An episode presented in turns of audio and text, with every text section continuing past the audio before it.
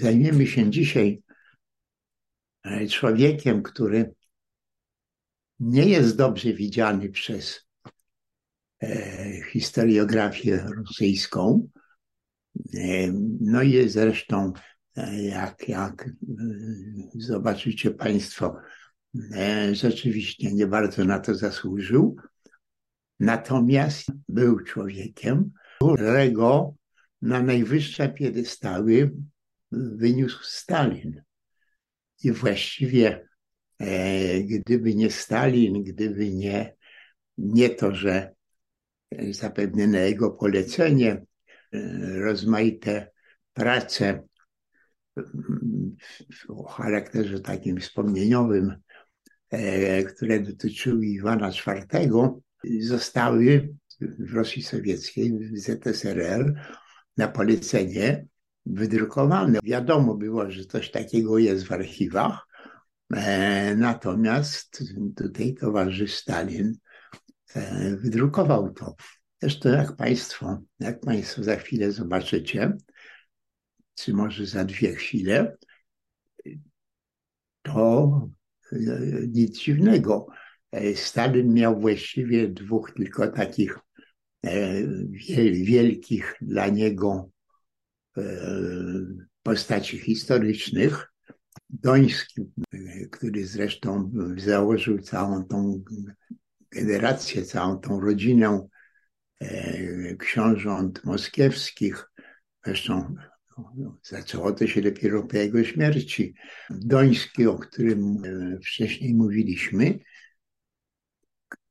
gdzie jakieś takie bitewki nie za wielkie, E, dopiero za czasów rosyjskich, carskich, to znaczy w XIX wieku, zaczęto, że tak powiem, czcić bardziej niż chyba na to zasłużyli, ale dopiero Iwan IV, który był potomkiem Dońskiego, Iwan IV dopiero e, stał się bohaterem i to wielkim bohaterem E, w czasach, e, w czasach Stalina. Tak dalece, że jak Stalinowi się nie podobały jakieś fragmenty z życia Iwana, które tam i kazał coś zupełnie odwrotnego wprowadzić jako odkrycie naukowe. Takie odkrycia naukowe robili też wcześniej w XIX wieku historycy rosyjscy tylko że oni jednak jakby starali się e, e, traktować Iwana IV jako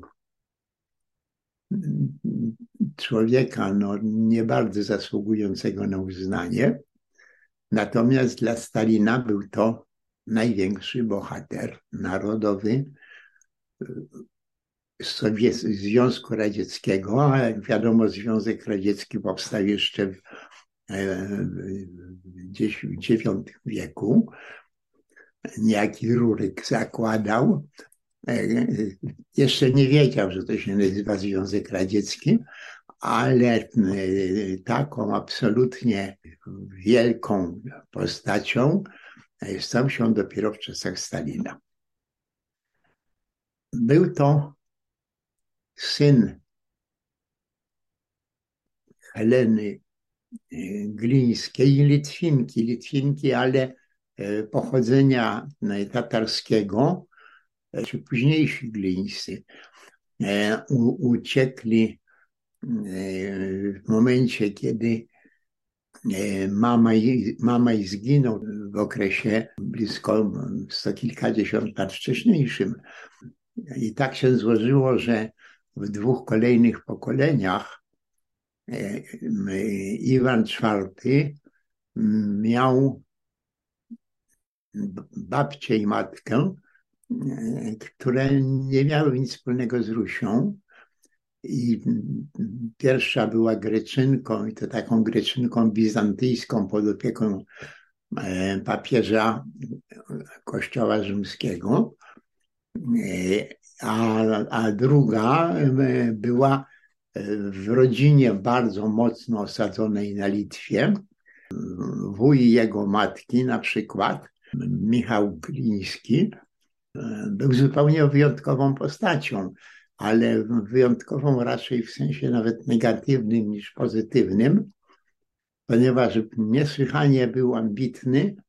Pod koniec już y, panowania y, wielkiego księcia, już króla polskiego Aleksandra, najpierw usiłował kierować Wielkim Księstwem Litewskim. To robił z powodzeniem, to z dużym powodzeniem. W momencie zresztą, kiedy e, król Aleksander już umierał, był na łożu śmierci, to odniósł bardzo wielkie zwycięstwo nad Tatarami, jedno, jedno z największych. E, miał miał własną prywatną armię i z tą prywatną armią chciał rządzić e, przy Aleksandrze, ale to jest przecież król Polski. E, chciał potem e, wpływać na swoją siostrzenicę, czyli Helenę, co mu się zresztą nie udawało usiłował być bardzo, że tak powiem, bliskim kolejnego władcy polskiego, króla Zygmunta Starego, ale Zygmunt Stary sobie z nim jakoś poradził.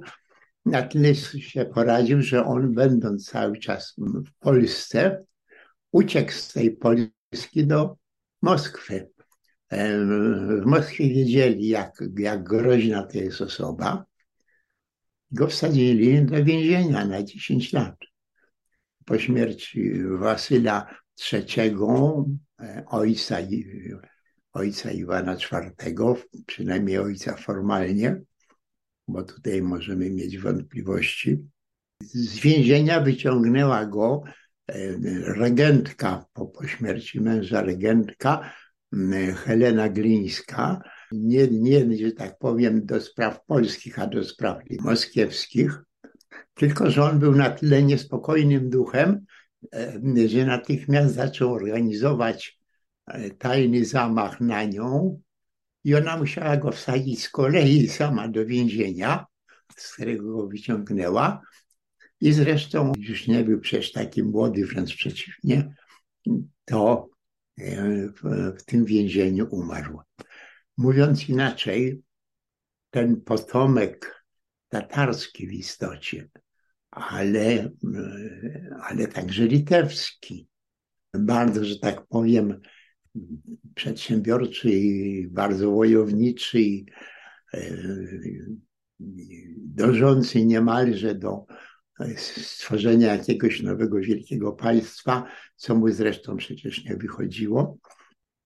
I Helena Glińska, razem zresztą ze swoim kochankiem po śmierci jej męża, też Tatarem, tatarskim księciem, kniaziem takim owczyną, e, który przybrał zresztą już inne nazwiska był, był księciem odolańskim, prawda? To lepiej brzmi niż obczyna.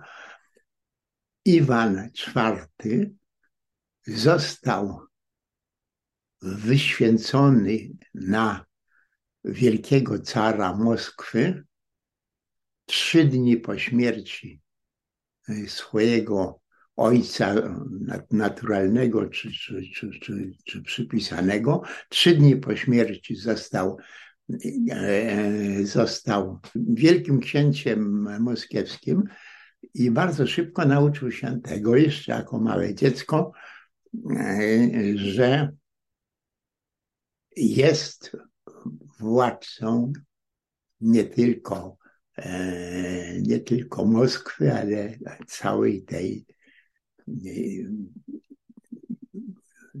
całego tego państewka, które było na Zalesiu.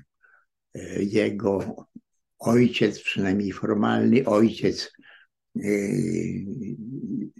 zdobył już dwa ostatnie księstwa samodzielne, które były na, e, na terenie Zalesia.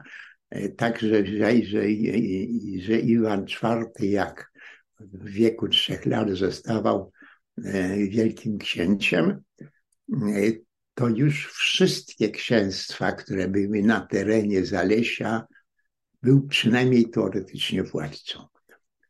Pierwsze pięć lat, do, 4-5 lat, czyli gdzieś do ósmego roku życia, e, wychowywany był jako wielki książę. To znaczy, do tego chłopca, który miał po kolei 4-5 i dalej więcej lat, wszyscy, e, jak wchodził, to wszyscy wstawali, zwracali się do niego per e, wielki książę, prawda? Jak do nich mówił, to spuszczali głowy i wysłuchiwali. E, co to małe dziecko mówi, ale przecież to małe dziecko to jest władca, władca księstwa moskiewskiego, a księstwo moskiewskie obejmuje całe Zalesie plus jeszcze e, takie okolice jak Nowogród Wielki i Psków. W charakterze regentki rządziła e, Helena e, razem ze swoim narzeczonym, z którym wzięli taki tajny ślub. Formalnie była wdową, E, faktycznie była mężatką po raz drugim, ale była główną regentką i w imieniu wielkiego księcia, który był jej synem, e, rządziła państwem i rządziła bardzo, e, bardzo, mocno, bardzo mocną ręką. Doprowadziła zresztą, mimo że była z urodzenia księżniczką litewską. Mimo, że cała ta ich rodzina Onkiś tatarska stała się, stała się litewską, to ona może, e, może też w nadziei, że tą Litwę jakoś e, będzie zagarniała, rozpoczęła e, wojnę z Wielkim Księstwem Wielkim Księstwem Litewskim. Gdzieś mniej więcej ta wojna się zaczęła e, rok po śmierci e, jej męża i trwała mniej więcej 4 lata. Udawała mi się jakaś wyprawa jedna, która aż dotarła do, pod Wilno, ale generalnie to oni tą, e, tą wojnę przegrali. To zawarto, że tak powiem, pokój na rok przed jej śmiercią. A umarła młoda kobieta i wszystko wskazywało, że została otruta. Została otruta przez bojarów, ponieważ bojarzy, mając wielkiego księcia, który miał w tym czasie 8 lat, mając takiego wielkiego księcia, to bojarzy chcieli przyjąć władzę. A ta baba wściekła, prawda, która nie, nie, nie miała żadnych skrupułów, żeby e, kazać kogoś, e, skazać kogoś na śmierć. Winien, nie winien, to nieważne. Bojarzy zaczęli sami rządzić. Pierwszy z nich źle potraktował rzeczywistego wielkiego księcia ośmioletniego, gdzie nawet on już miał e, więcej, już miał blisko 10 lat, źle go potraktował, ponieważ jak e, sam Iwan e, to później wyjaśnił, on się bawił ze swoim młodszym bratem Jerzym w swoim apartamencie. Chodzi rządzący bojar, rządzący książę, i po pierwsze, nie zwraca się w ogóle do niego tak, jakby go nie widział. To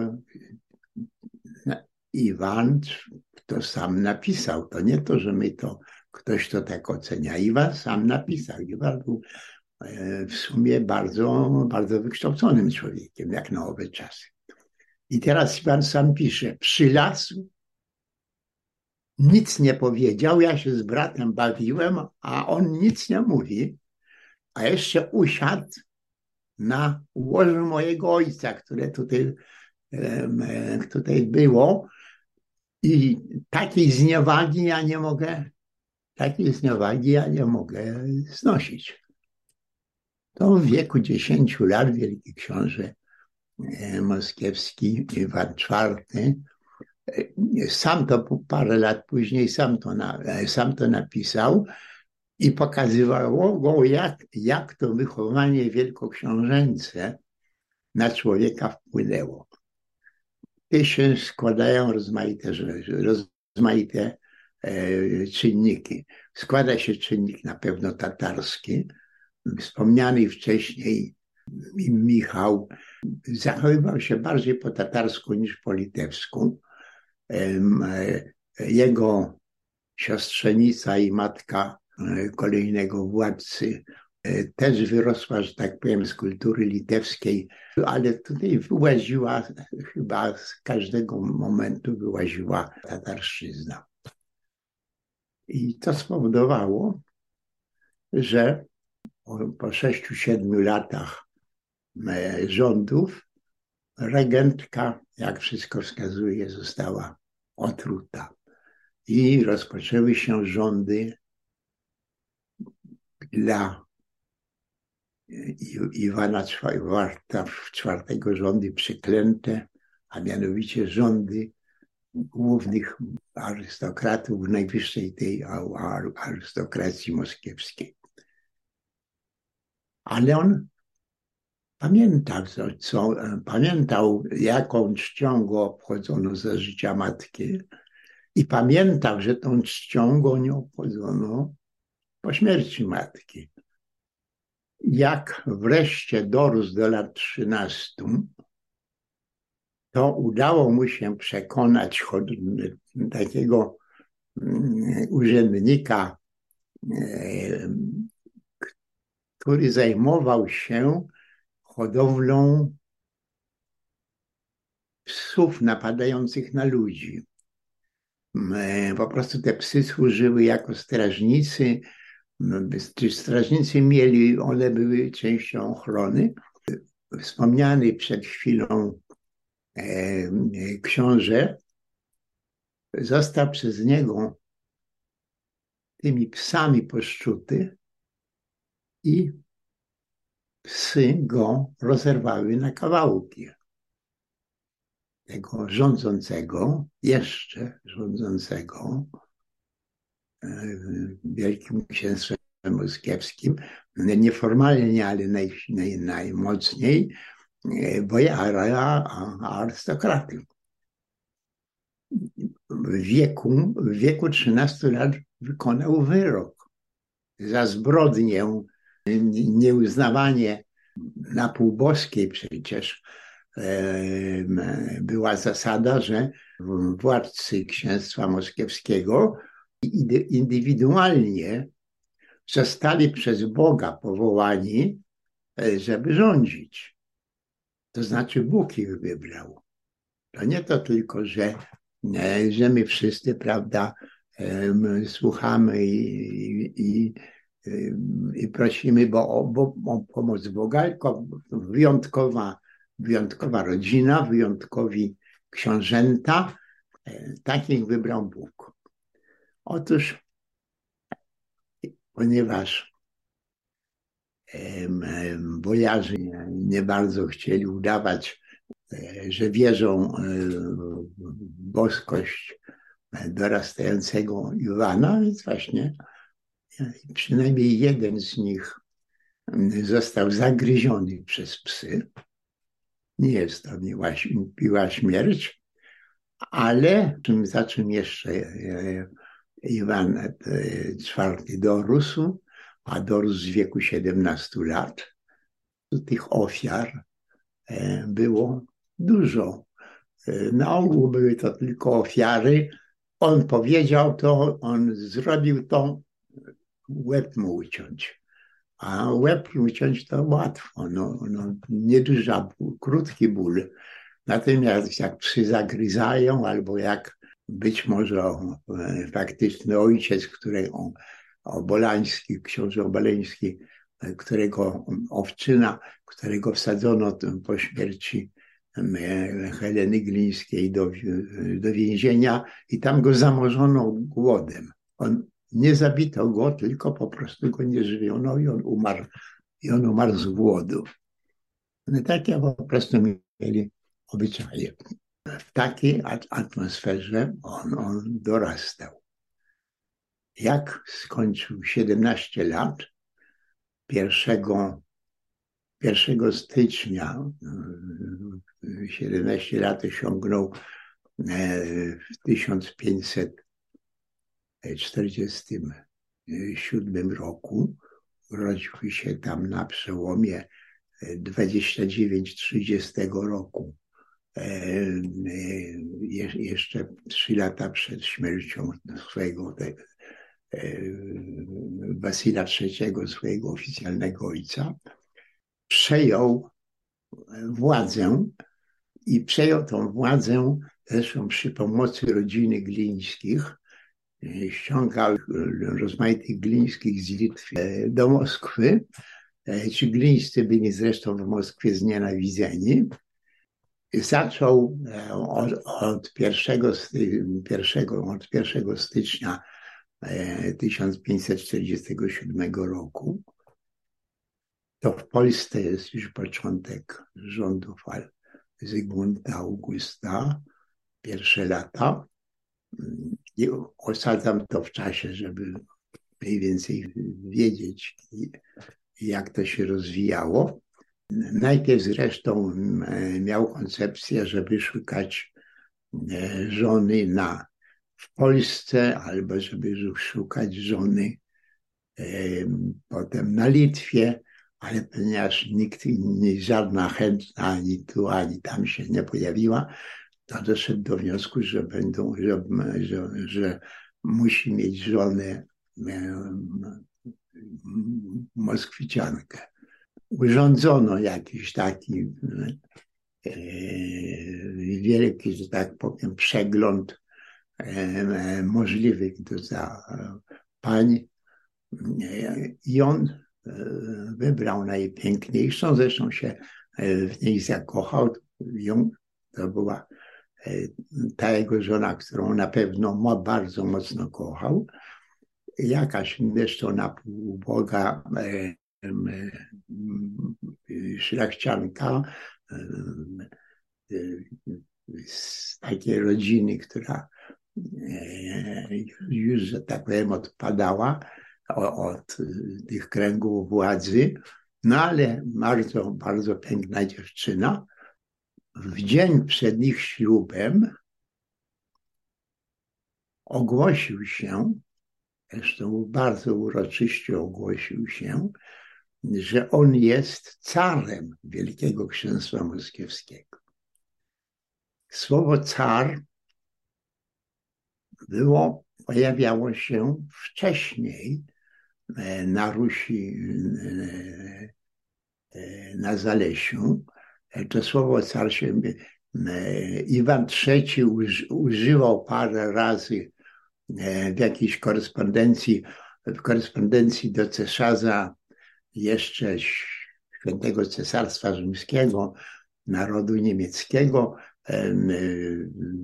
w korespondencji z nim używał, podpisywał się jako car. E, była ten, wiadomo było, że jest najwyższa jakaś władza uświęcona przez Pana Boga, który e, właśnie tak wybrał sobie. Nie wiadomo właściwie, e, ponieważ nie było żadnych innych stopni takiej tej władzy, ale zaczęto określenie Wielki Książę było już na tyle zużyte i to przez, także przez rozmaite małe książętewka, że szukano jakiegoś takiego wielkiego. I on dzień przed ślubem ze swoją pierwszą żoną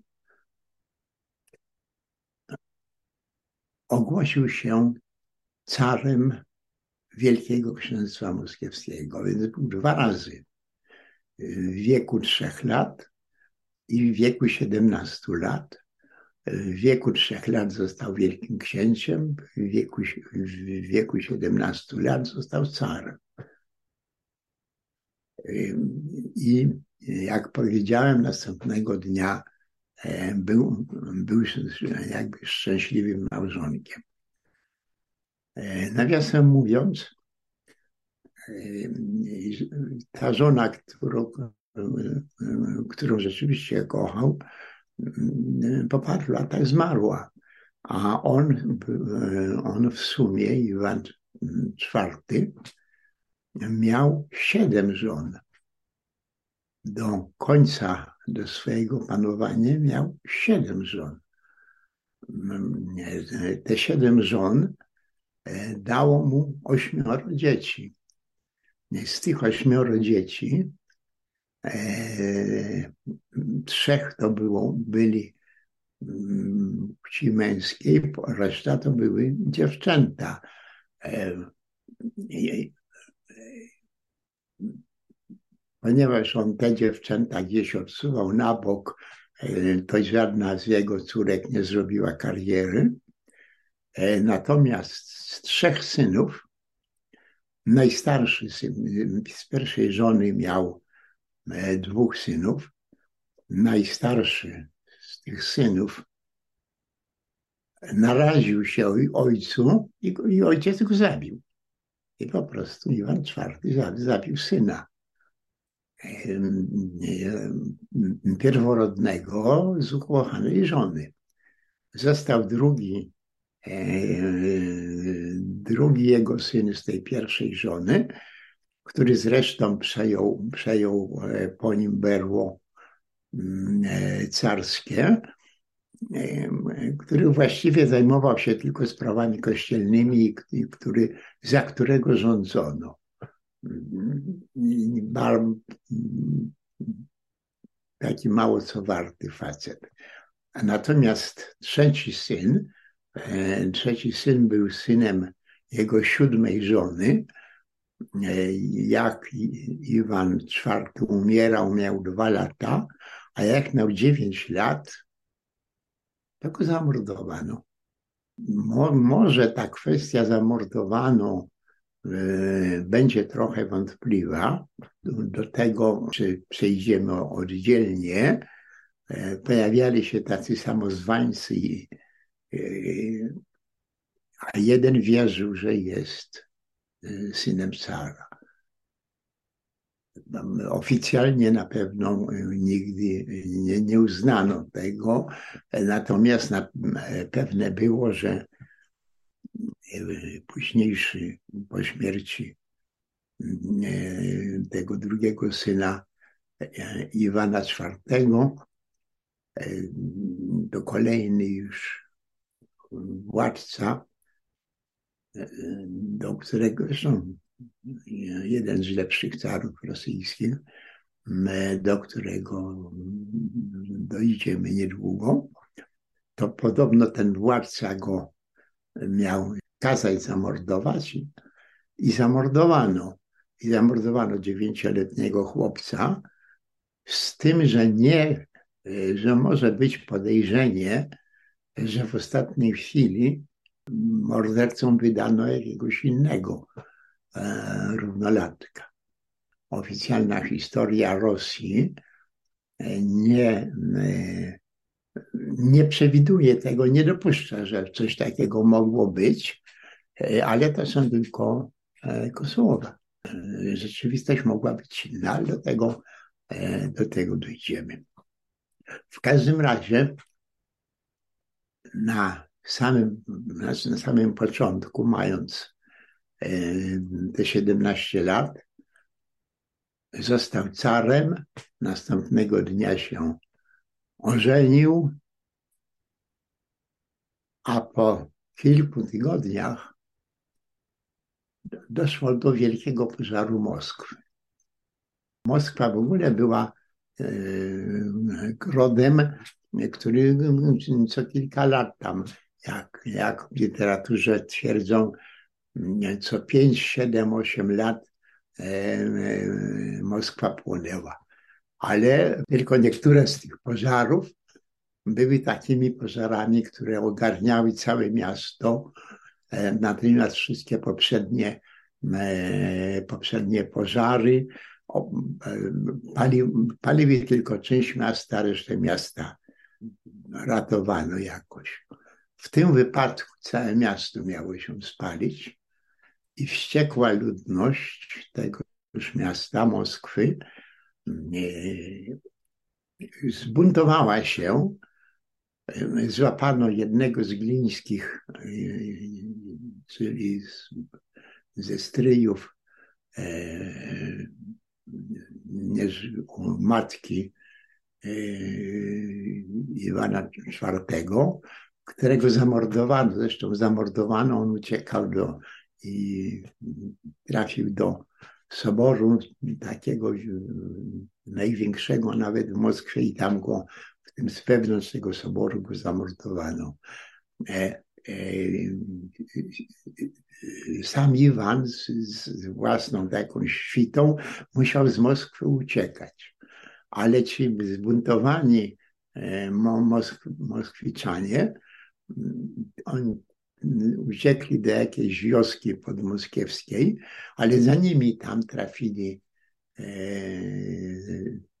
e, trafili ci wściekli Moskwiczanie, którzy uważali, że to glińscy, czyli rodzina jego matki, że to glińscy sprowadzili, czarami sprowadzili pożar, na, pożar Moskwy. I żądali wydania, wydania wszystkich glińskich, E, e, żeby zrobić z nimi porządek. No ale już nie było co wydawać, bo, e, bo wszyscy pouciekali z Moskwy. I jakoś ich, Jan, Iwan IV jakoś ich przekonał i, i, i jemu nic nie zrobili. Moskwę zaczęli odbudowywać.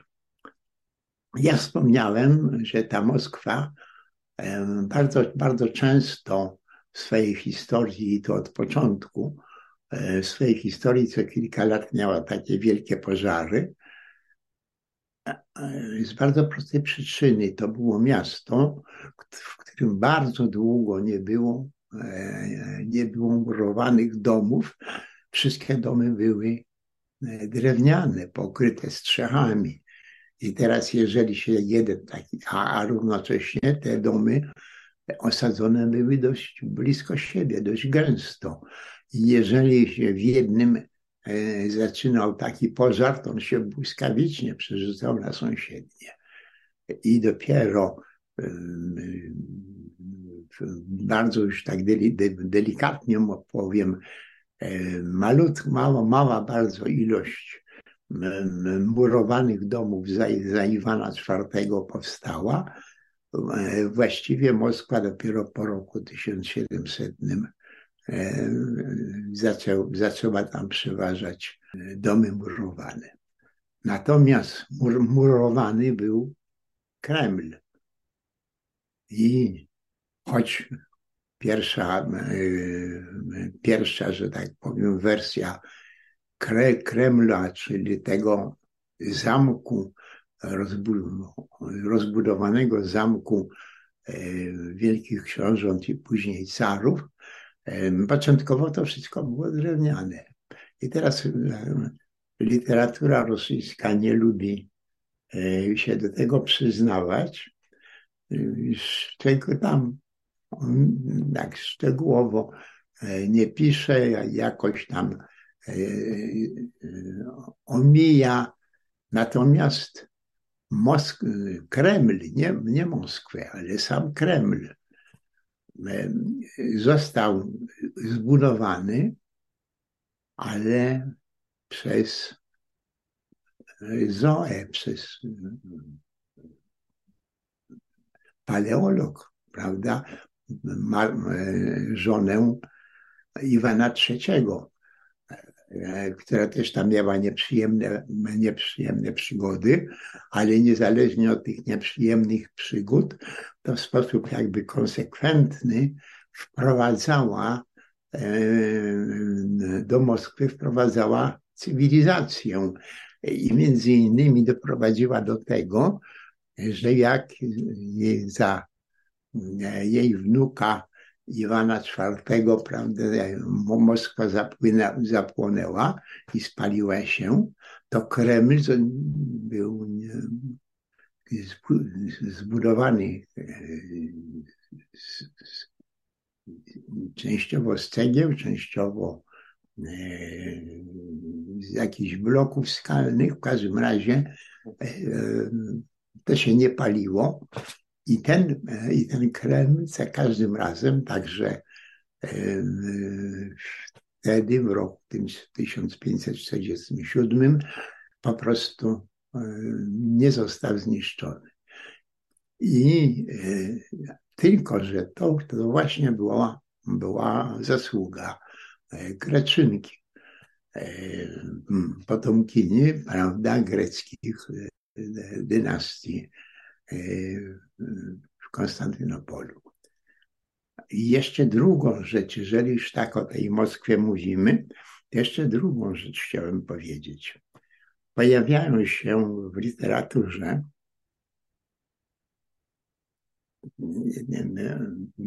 dane dotyczące ilości ludności, zwłaszcza dotyczące ilości ludności w Moskwie.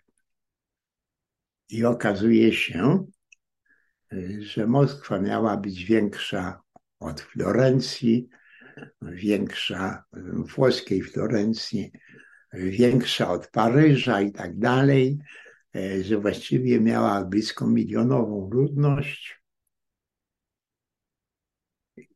Była ogromnym miastem, tylko zapomina się o jednej rzeczy. Moskwa była grodem handlowym. I co roku odbywały się tam wielkie targi. I jeżeli przed wielkim targiem, to to było skromne miasteczko. Natomiast jak się rozpoczynał wielki targ, był to największy targ na e, Rusi Zaleskiej, ale sięgający, sięgający wielkości Nowogrodu Wielkiego i przybywały całe przybywały ekipy kupieckie, ale tak, te rodziny, te, to były całe rodziny kupieckie, które przyjeżdżały, handlowały, sprzedawały i tak dalej, i które takie drewniane e, budyneczki sobie wznosili wokół miasta i, e, i Moskwa e, z, z, z dość skromnego miasta nagle stawała się tak wielka, że niektórzy uważali, że ona nawet, że tam nawet się milion ludzi zebrało. No, no, po czym jak się ci, jak się ci ludzie roz, rozjeżdżali, to zostawał tylko Kreml, przed Kremlem Czerwony Plac i, i, i, te zabudowa, i zabudowa właściwego miasta, które nie było, tak jak zresztą e,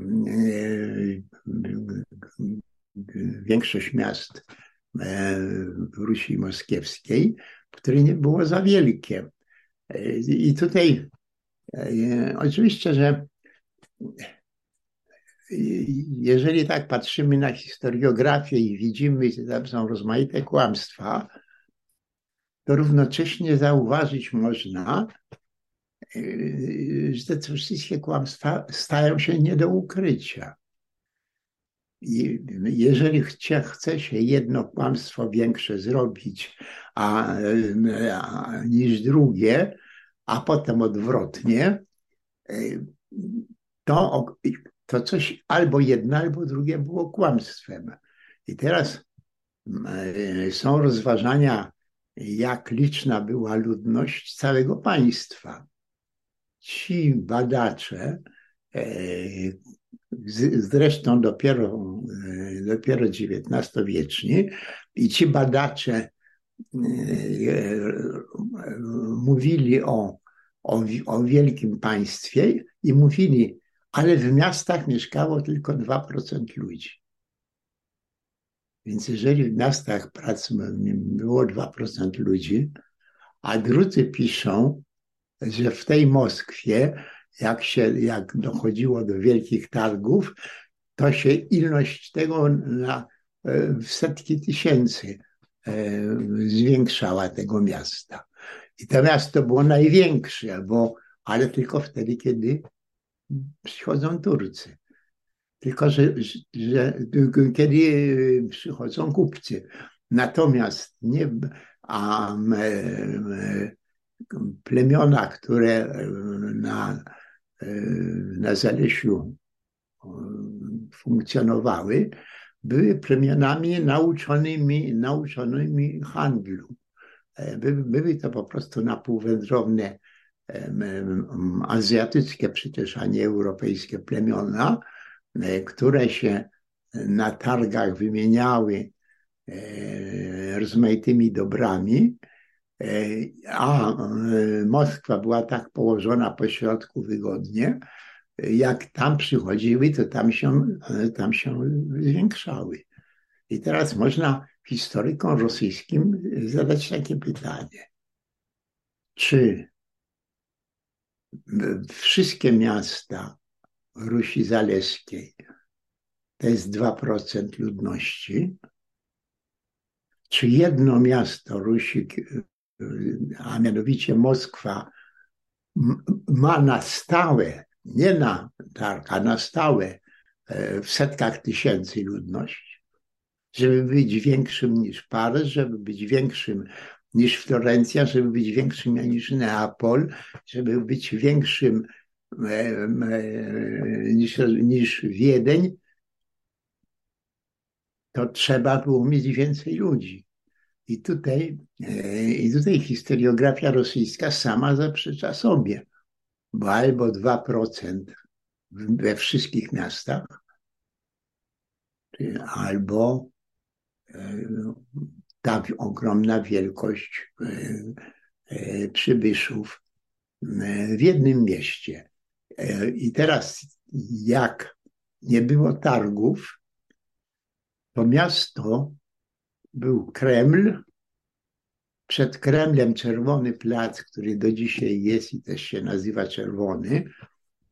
Jest tam do dzisiaj grup Lenina w tym czasie i późno średniowiecznym, e, w początku czasów nowożytnych, e, to w tym czasie e, Ros Moskwa była rzeczywiście względnie niewielka. Duży Kreml, duży Czerwony Plac, do dzisiaj wiemy jak duży, bo, bo istnieje, i wokół tego zabudowa miejska ale ta zabudowa miejska nie sięgała na 2 kilometry, 3-4 kilometry średnicy, tylko po prostu to omijano. A jak przyjeżdżali kupcy, to nagle się to miasto poszerzało. I e, wprawdzie trudno uwierzyć, że tam było ich milion, ale e, gdyby nawet było 100 tysięcy, to, to to miasto było E, to miasto stawało się ogromne. Ja, ja wspominam o tym, bo historiografia rosyjska e, jest historiografią na zamówienie. I mamy, mamy, ciągle, mamy ciągle kłopoty, żeby dochodzić do prawdy. Żeby na przykład uzyskać całą prawdę o panowaniu Iwana IV, Iwana Groźnego,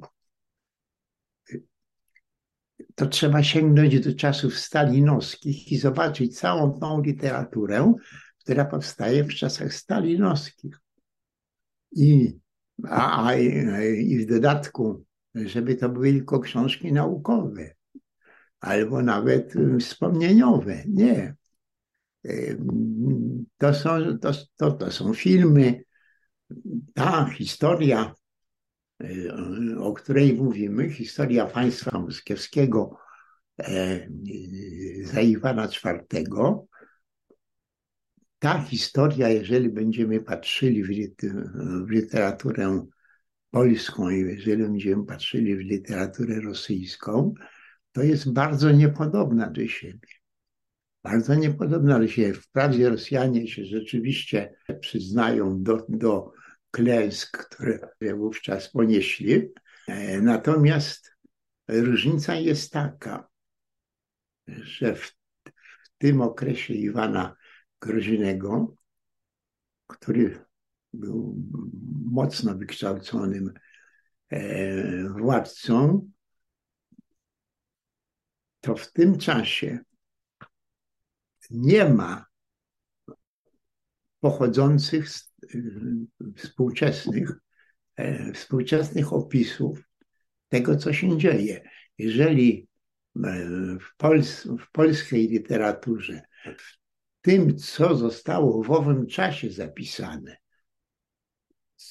kiedy to się wszystko działo, e, to jeżeli w, w krajach na tyle rozwiniętych jak Rzeczpospolita Polsko-Litewska, to mamy ten zapis szeroki. Natomiast jeżeli chodzi o Moskali, to ten zapis nie jest, nie jest szeroki, jest znacznie późniejszy, znaczy znacznie późniejszy, jest XIX-wieczny.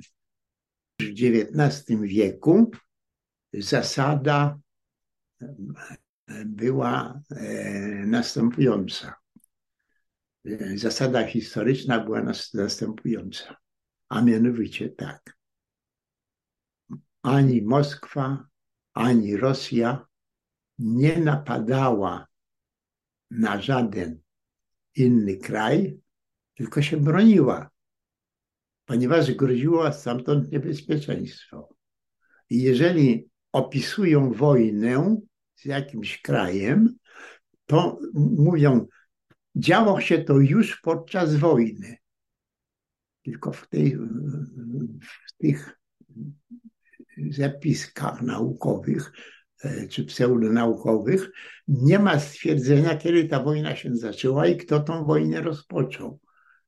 Wiemy na przykład, e, jak to, e, jak to mogło być ale głównie, głównie ze strony polskiej, nie ze strony rosyjskiej. I tutaj znowu jest, jest kłopot, e, ponieważ zapiski zapiski polskie mogą być zapiskami stronniczymi. Zapiski rosyjskie mogą być zapiskami sporządzonymi dopiero w XIX wieku. Jesteśmy bezbronni, bo jeżeli go odrzucamy, to nie mamy żadnej informacji. No nie mamy żadnej informacji.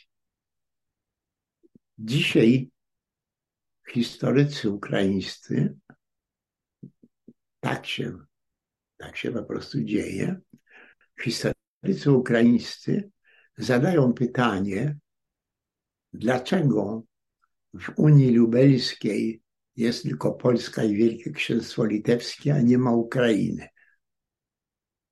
No bo nie ma Ukrainy. Tylko, że Ukraina w owym czasie to była strefa pograniczna. Tatarzy podchodzili pod Kijów. Ukraina to był wąski pas na północy, i o którym nie mówiono, że to jest Ukraina, bo wszystkie pasy graniczne nazywano Ukrainą, czy od strony Moskwy, czy skądś. Ale jeżeli w czasach Stalina napisano, e, że Ukraina powinna być, jacy ci Polacy są paskudni, bo nie dopuścili Ukraińców e, e, do Unii Lubelskiej. Ale jeżeli sięgniemy do tej Unii Lubelskiej, to nagle dowiemy się, że to pochodzący z, z, Rurykowiczów albo pochodzący z Gediminowiczów magnaci e, wołyńscy, którzy byli na Wołyniu i którym bardzo zagrażały na, e, najazdy tatarskie, to zwrócili się do Zygmunta Augusta, żeby Ukrainę przyłączyć do korony, ponieważ korona ma wojska kwarciane i korona będzie ich bronić. No a Wielkie Księstwo Litewskie czegoś takiego nie ma. I teraz zarzucać, że my byliśmy wrodzy do, dla Ukraińców i się nie, nie uważali za Ukraińców, tylko uważali się za kijowskich czy wołyńskich, wrocławskich, takie rodzaje zarzutów nawet się jeszcze nie pojawiały w XIX wieku. Pojawiały się dopiero, e, dopiero w czasach Stalina. I teraz ludzie, którzy zajmowali się historią i zaczęli się tą historią zajmować w czasach sowieckich, po prostu powtarzają, po prostu powtarzają te sowieckie bzdury. Ale te sowieckie bzdury nie powtarzają y, w XX wieku. Te sowieckie, te sowieckie bzdury pojawiają się w książkach, które wyszły już po rozpoczęciu wojny, po napadzie Rosji, po napadzie Rosji na Ukrainę. Czy one są współczesne. W miesiącach, że tak powiem, liczymy książki od dzisiaj, które się w książkach okazały i historyk pisze, jak to, dlaczego nie wzięli Ukrainy? No bo Stalin mówił. On Stalin, on nie chce powtarzać Stalina i zadaje pytanie retoryczne. Dlaczego nie było Ukrainy? Dlatego nie, a, a Stalin powiedział, bo, bo przecież nienawiść polsko-ukraińska. I to Polacy tępili Ukraińców, bo jak wiadomo, od X e, wieku począwszy. Teraz wracając do Iwana Groźnego. Iwan Groźny zaczyna w tak, takiej bardzo, bardzo groźnej sytuacji. Zostaje e, carem Wielkiego Księstwa.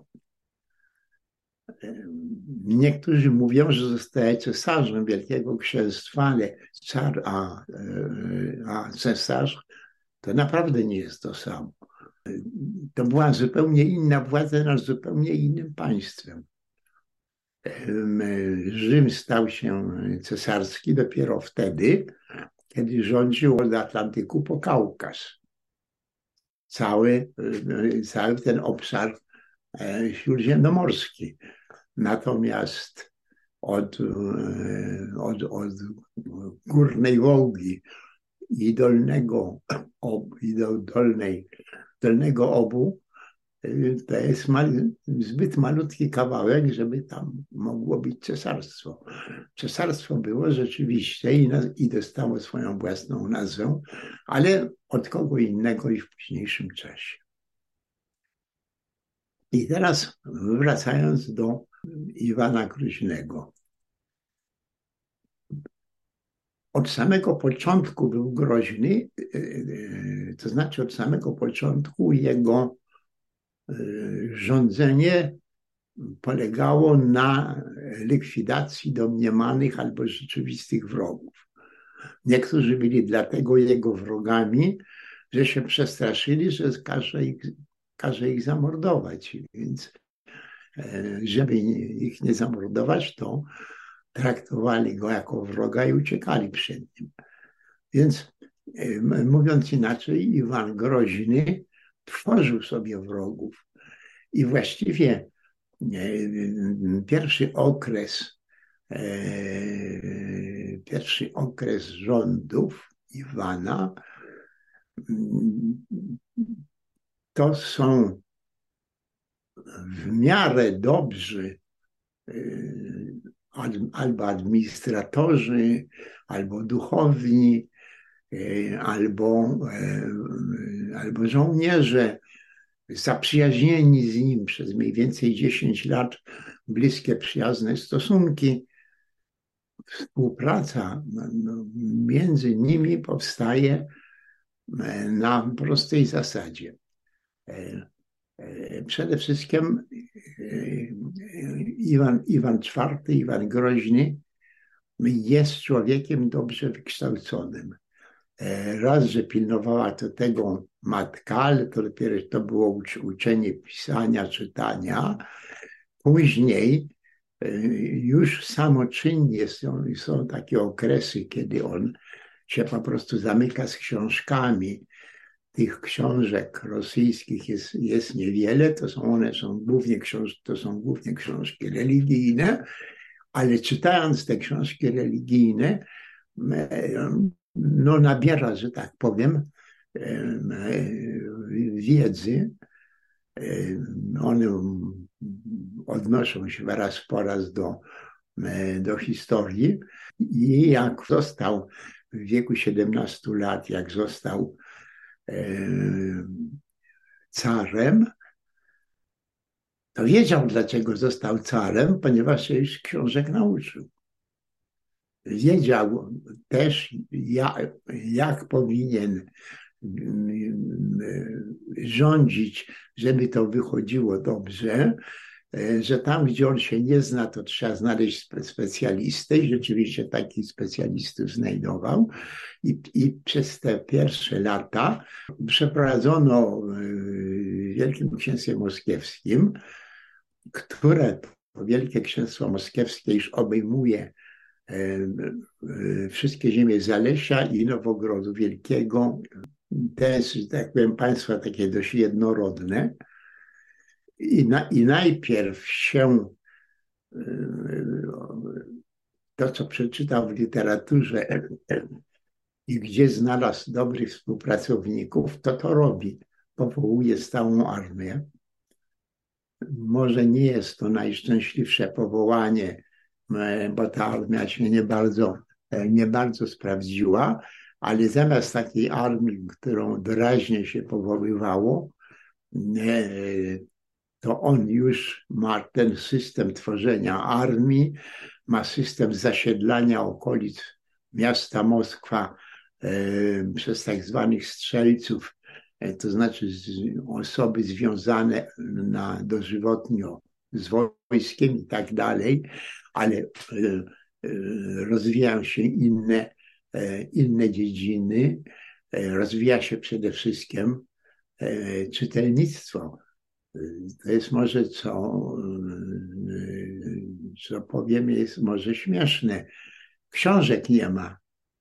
Książek jest bardzo niewiele.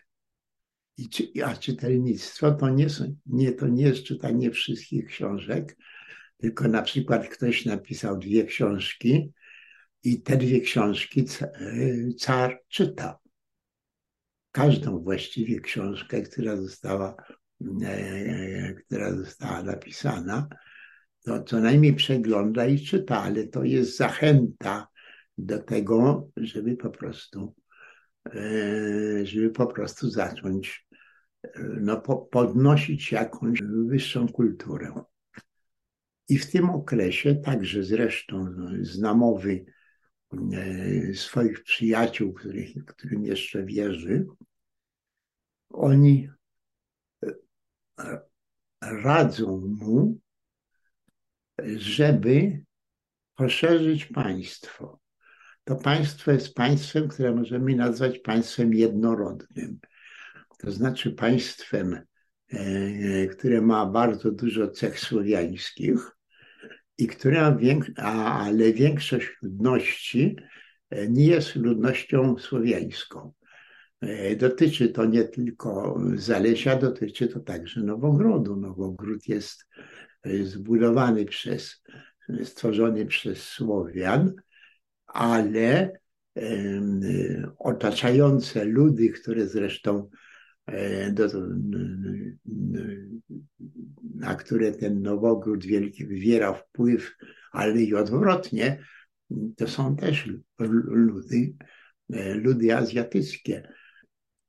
Książę Kurbski, tak, książę Kurbski namawia go, że należy poszerzyć państwo o ziemię, które nie są ani ziemiami e, Rusi e, Zaleskiej, ani ziemiami Rusi Nowogródzkiej, tylko są ziemiami tatarskimi, jakimiś innymi i tak dalej, azjatyckimi.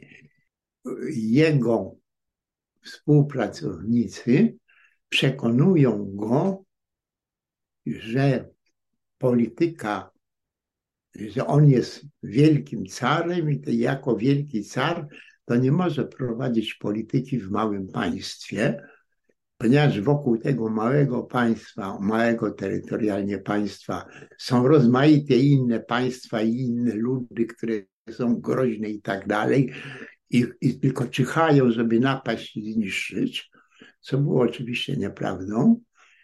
I trzeba ich wyprzedzić, i tych, którzy mogą nas napaść, to trzeba po prostu zdobyć, włączyć do nas.